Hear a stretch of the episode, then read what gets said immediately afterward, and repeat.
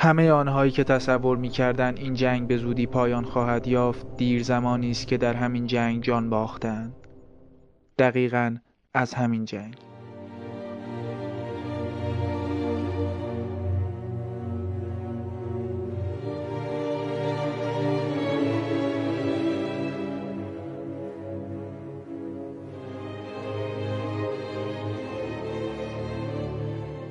رمان دیدار به قیامت نوشته پیلومتر ترجمه مرتزا کلانتریان با این جمله آغاز می شود. رومانی که قهرمانش در پایان از پنجره آپارتمان بیرون می پرد و خودکشی می کند. مرتزا کلانتریان قاضی، وکیل و مترجم ایرانی دیروز یک شنبه دوازده خرداد 98 در سن 87 سالگی بر اثر سقوط از پنجره آپارتمانش در بهجت آباد تهران درگذشت. خبرگزاری ها ابتدا دلیل مرگ آقای کلانتریان را خودکشی اعلام کردند. پلیس علت مرگ را سقوط بر اثر عدم تعادل دانست و پسرش خبر رسانه ها مبنی بر خودکشی پدر را تکذیب کرد. مرتزا کلانتریان متولد 1311 در تون کابون فارغ و تحصیل حقوق از دانشگاه تهران است و دکترای حقوقش را از دانشگاه پاریس گرفت. او در گذشته قاضی دادگستری تهران بود و در کارنامهش حدود 25 عنوان کتاب به چشم می‌خورد. از زندگی مرتزا کلانتریان جز این سطور که به همت سایر محمدی به صفحه کمخان مطبوعات راه یافت اطلاع بیشتری در دست عموم نیست. سایر محمدی در مصاحبه پس از مرگ مترجم گفت که او با روزنامه‌نگاران ارتباط نمی گرفت و گفتگو با من را هم به دلیل هم ولایتی بودنمان پذیرفت. مترجمان دیگر نیز کمتر او را می شناسند. برخی فقط نامش را شنیدند. احمد پوری مترجم آثاری چون دشمنان یک داستان عاشقانه و تو را دوست دارم چون نان و نمک درباره مرتزا کلانتریان روایت جالبی دارد. او می‌گوید زمانی بدون اینکه بداند با کلانتریان همسایه بوده. خودم زمانی بهجت آباد بودم بعد از اینکه از بهجت آباد رفتم تازه فهمیدم ایشونم اونجا بودن و من نمی‌تونستم خیلی هم تاسف خوردم که اگر می‌دونستم حتما اونجا طبیعتا میدیدمشون. به هر صورت اونجوری آشنایی شخصی نداشتم ولی خب ترجمه هاشو خونده بودم و مثلا ترجمهش از هنش بول. ترجمه که از هنش بول کرده بود اونو خونده بودم. بسیار خوب بود.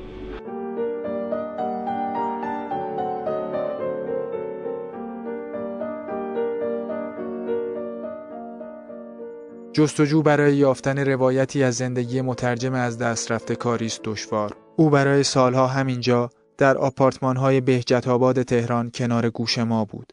بی آنکه در گعده و یا دفتر رسانه ای پیدا شود به حضور نامش بر جلد کتابهایی که مترجمشان بود قناعت کرد.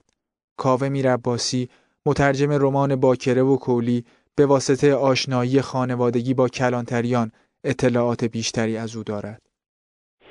ببینید مرتضی کلانتریان که می‌دونید حقوق خونده بود و بازنشسته دادگستری بود. یه یه بخش دادگستری داره به اسم اداره فنی که این اداره فنی اونجایی است که اشخاص مجوز میده برای اینکه مترجم رسمی بشن. کلانتریان اونجا کار می‌کرد و جز ممتحنان هم بود. چون خب هم حقوق خونده بود و هم فرانسه بلد بود دیگه.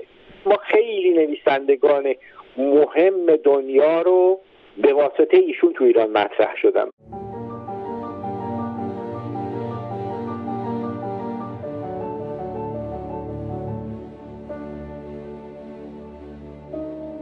اما سبب این حد از انزوای مرتزا کلانتریان در میان همگنانش چه بود؟ مردی که به گفته مهدی از دانی خورم روزنامهنگار حوزه ادبیات همیشه پی نامهای تازه می‌رفت و از همین مسیر پیلومتر و سر شالاندن را به ایرانی ها شناسان چرا آنقدر گوشگیر بود که حتی مرگش نیز با ملغمه ای از ابهام و بهت در شبکه های اجتماعی باستاب پیدا کرد. شهریور سال 95 سایر محمدی در روزنامه ایران با او مصاحبه ای انجام داد که احتمالا تنها گفتگوی این مترجم ایرانی است. کلانتریان در قسمتی از این مصاحبه به بیان بخشهایی از ویژگی های شخصیتیش از جمله علاقهش به انزوا می پردازد. گفتگویی که بر حسب تصادف در ابتدای آن کلانتریان از آخرین ترجمهش یعنی رمان دیدار به قیامت سخن می‌گوید. من قاضی بودم در شهرستان به شهر. در نتیجه با هیچ کس رفت آمدی نداشتم.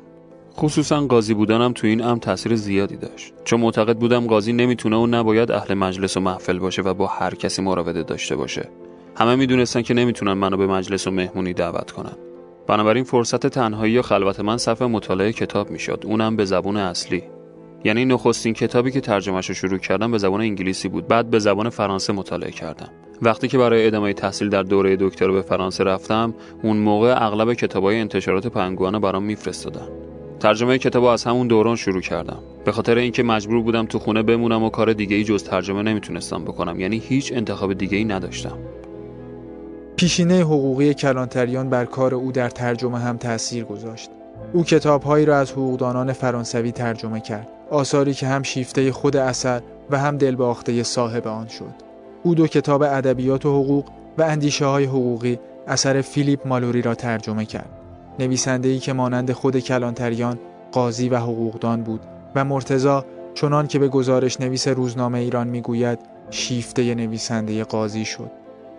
از وسط معلومات قاضی و یه استاد دانشگاه حیرت کردم. اصلا باور کردنی نیست که کسی این همه کتاب خونده باشه و وظایف دشواری به عنوان استاد دانشگاه داشته باشه. تئاتری باشه روی صحنه که ندیده باشه. فیلمی روی پرده باشه که ندیده باشه یا کنسرتی برگزار بشه و نرفته باشه. در مورد همه اینا اطلاعات کاملی داره. چنان به زیر و بم این مسائل هنرهای مختلف اشراف داره که اعجاب انگیزه. این شخص یه استاد دانشگاه یا یه قاضی یا یه هنرمند؟ اما آنچه نام مرتزا کلانتریان را بیشتر در میان ایرانیان مشهور کرد رمان سیمای زنی در میان جمع اثر هاینریش بول بود سیمای زنی در میان جمع مخاطبان بسیاری را در حوزه ادبیات معطوف به خود کرد و به سرعت به چاپ چهارم رسید بول درباره این داستان می‌گوید می‌خواستم داستان زنی آلمانی را در اواخر چهل سالگی بازگویم که بار تاریخ را از 1922 تا 1970 به دوش دارد. برای کلانتری هم این رمان محبوب ترین برگردانی است که او از یک اثر ادبی انجام داده. درباره عشقش به این رمان می‌گوید اون چیزی که توی این رمان هاینریش بول مطرحه داوری نکردن درباره انسان است. یعنی شما در هیچ بخشی از رمان نمی بینید که نویسنده کسی رو قضاوت کنه و محکوم کنه این مسئله برای من در این رمان خیلی مهمه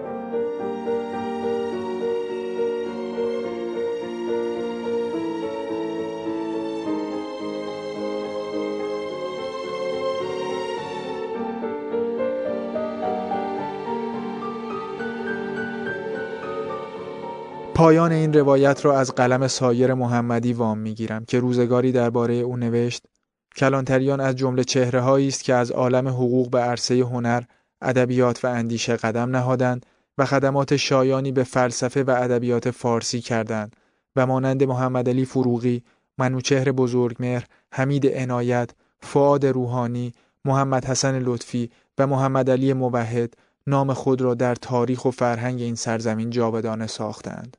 این جمله در زمانی نوشته شد که مترجم در میان ما بود. حالا باید تمام افعال را به صورت مازی خواند. یادش گرامی